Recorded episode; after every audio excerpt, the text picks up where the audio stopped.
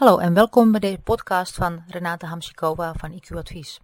De afgelopen keer heb ik uh, gesproken over onderpresteren bij hoogbegaafde kinderen en voornamelijk over het ontstaan van het onderpresteren.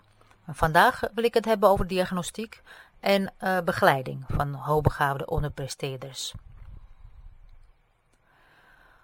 Bij onderpresteren is extern didactisch onderzoek vaak de enige manier om duidelijkheid te krijgen over de cognitieve capaciteiten van een kind.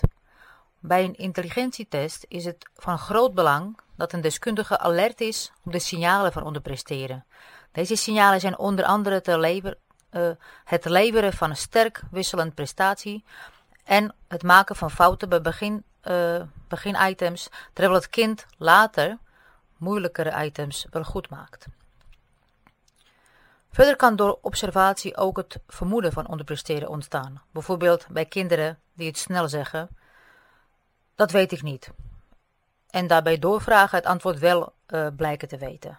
Bij kinderen die onderpresteren is het zinvol om ook onder andere te kijken naar prestatiemotivatie en negatieve faalangst.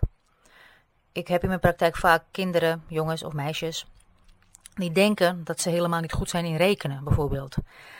En uh, als ik ze laat zien dat ze dat wel kunnen en dat ze met bepaalde stappen de opdrachten kunnen oplossen, dan zijn ze heel trots, maar ook verbaasd.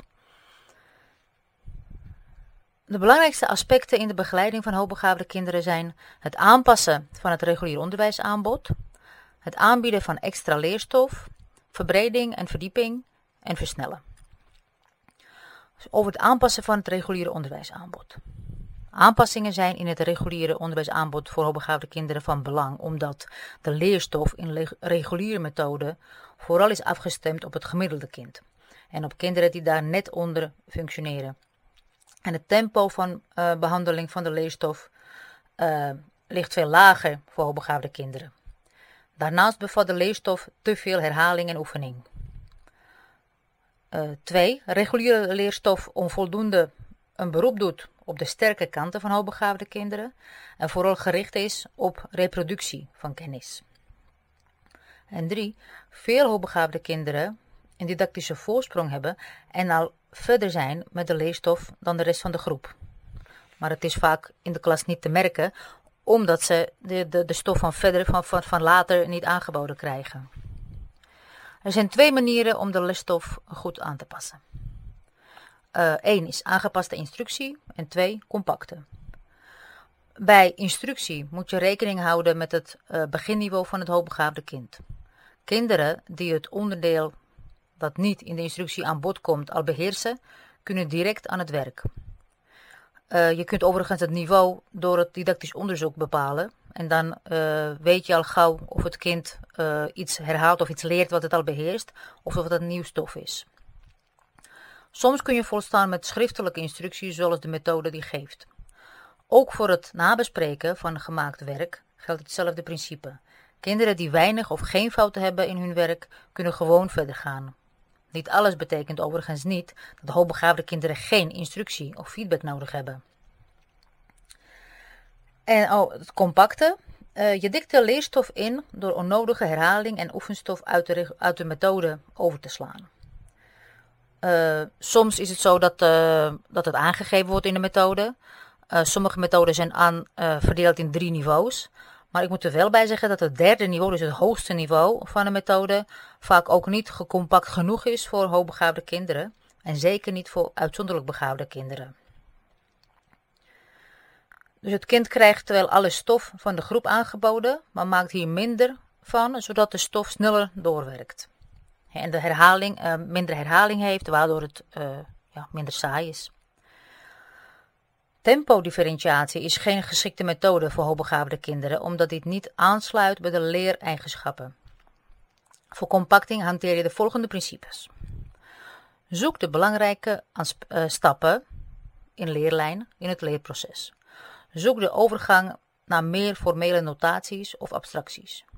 Schrap geen activiteiten die reflectie uitlokken. Bijvoorbeeld, zijn er nog meer manieren om dit op te lossen? Sla belangrijke strategieën en werkwijzen niet over. En handhaaf constructieve activiteiten. En na het compacte blijft voornamelijk zinvolle en leerzame stof over. hopelijk dan. En ehm, als je genoeg compact, uh, ongeveer 75% herhaling wordt dan weggelaten bij hoogbegaafde kinderen. Bij uitzonderlijk begaafde kinderen kan het nog meer zijn. Uh, heeft de leerling dan nou ja, zeeën van tijd over, zou je kunnen zeggen, om uh, aan verrijking te werken. En die verrijking moet natuurlijk ook weer zinvol zijn. Dat moet niet een of andere kist zijn uh, en bezigheidstherapie. Dat moet echt gericht zijn op de interesses en het aanleren van vaardigheden van de leerling. Voor onderpresterende hoogbegaafde leerlingen is het van belang dat ze een realistisch zelfbeeld ontwikkelen en dat ze voldoende zicht krijgen op hun toekomstmogelijkheden. Op die manier zijn zij in staat de juiste keuzes te maken, ook ten aanzien van het leerloopbaan. Hoogbegaafdheid heeft invloed op de leerloopbaankeuze die kinderen maken. Buitengewone capaciteiten, bovengemiddelde intelligentie, maar ook motivatie en creativiteit bieden grote mogelijkheden. Maar dan uh, moet de leerling wel in zichzelf en zijn ontwikkelingskansen geloven. Als leerlingen schoolgerelateerde persoonlijke doelen in relatie tot wie ze willen worden, willen nastreven, worden ze steeds meer zelfverantwoordelijk en kunnen ze hun eigen ontwikkeling reguleren. Um, ik ken een belangrijke werkvorm, of althans vorm, werkvorm die gebruikt kan worden uh, om de mogelijkheden van het individu te verkennen.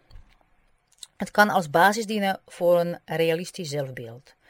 In 1992 ontwikkelde Day een werkvorm genaamd de Possible Me Tree. Inzet van deze werkvorm leidde bij de proefpersonen tot de ontdekking van meer positieve toekomstmogelijkheden en het elimineren van negatieve toekomstbeelden. Het blijkt dus mogelijk om de motivatie en het zelfbeeld van de leerling positief te beïnvloeden middels een werkvorm. Op mijn website www.iq.nl kun je onder het kopje podcast uh, deze werkvorm vinden en downloaden.